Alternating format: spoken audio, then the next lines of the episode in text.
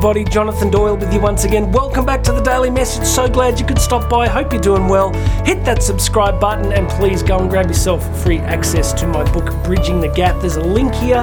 We're going to send you a couple of chapters every few days. You're going to love it. So go hit that link. Uh, please leave something in the comments if uh, you want to comment on the video or you've got particular topics you'd love me to cover. Go do that. But make sure you subscribe, it's really important. Today, we are jumping into a quote from the brilliant pre Socratic Ionian philosopher Heraclitus of Ephesus. Um, Ephesus on the shores of ancient Asia Minor. We're going to jump into this because Heraclitus is going to remind us of something that I've been going on about for quite a few weeks. And I want to go into this again because when you see the great thinkers of the last few thousand years constantly telling us the same thing, there's probably something in it. So let's jump into this quote from Heraclitus. Let's do it. The content of your character is your choice.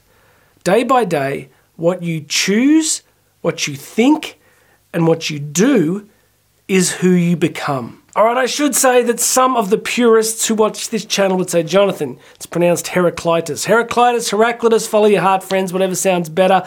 He's not here to complain about it, right? So uh, there is so much in this beautiful quote it's carrying on this theme that I've been sharing over the last few weeks from Carl Jung, Alfred Adler, uh, a lot of the Stoic philosophers, and in the in last week's episodes, we, we kind of kept exploring similar themes, which is the tension between our modern, highly victim centered world, right? So, this is a modern culture that's highly victim centered one of the ways to get extra recognition, extra cash, is to prove that you are somehow being hardly done by, and therefore you deserve some form of special treatment.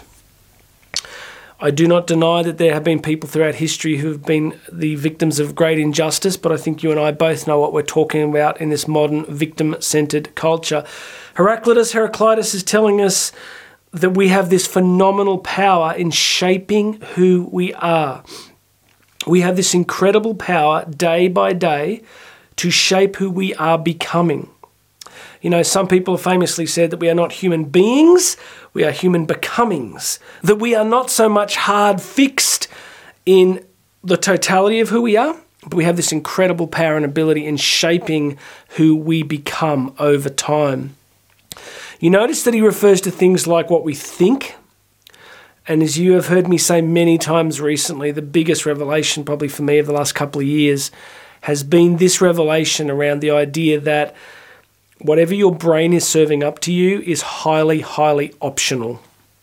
We fall into the trap. I think many of us are thinking that whatever our brain is giving us, whatever thoughts are flowing through our heads, is reality.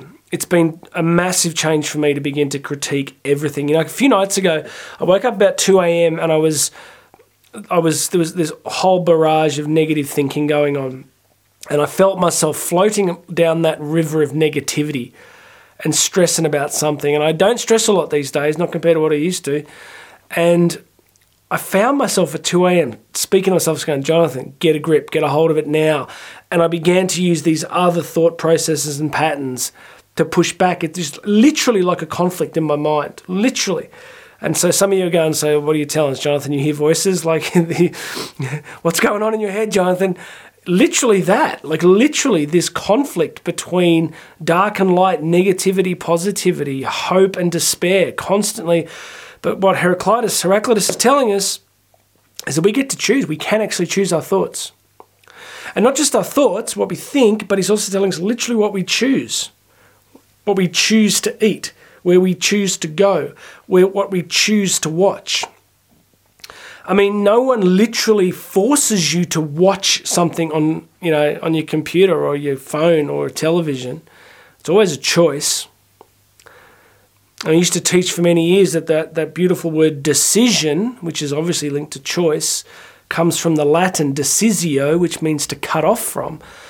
So making any decision, choosing anything, is simultaneously a decision to cut off, it's to say no to something else.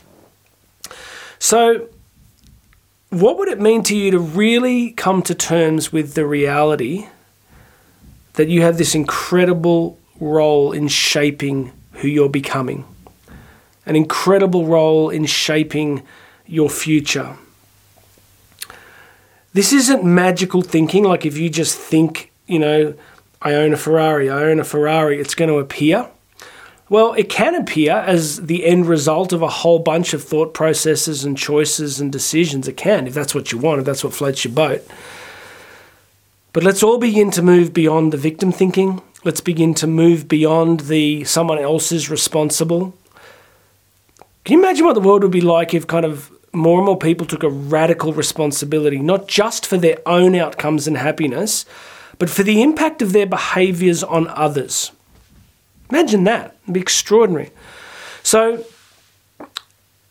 have some courage here. No matter where your life has brought you to so far, whether you're happy in your life or you're despairing right now, it can definitely get better in either context. If you think your life is rocking right now, then it can get better. If you think your life is in the toilet right now, it can get better. How?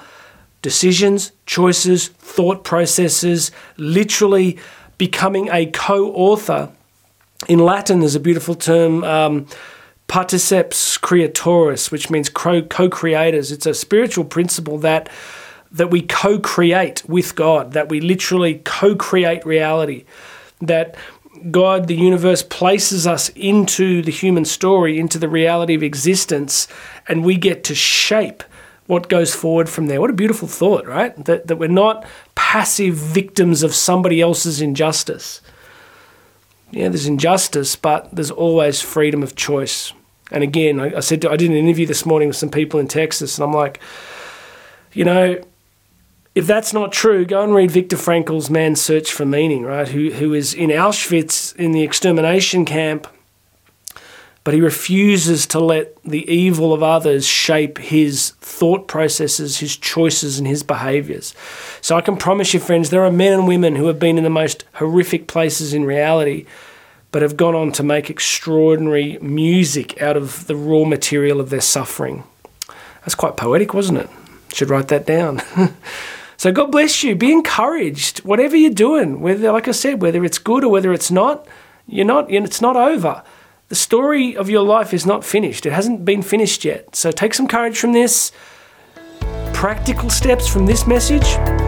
Become really good at monitoring your thinking. Push back against it. Fight against it. Become really good at noticing your decisions. Are they moving you forward or are they holding you back? You're not passive. You're not passive. All right, that's it. Please make sure you're subscribed. Please hit that subscribe button leave a comment, the notification button if you're on the video stream. If you're listening on a podcast, please subscribe, reach out, send me an email, jonathan at jonathandoyle.co. Otherwise, all the other links are here. If you want to book me to speak, anything like that, it's all there. God bless you, everybody. Keep moving forward. Keep moving forward, and I'll have another message for you tomorrow.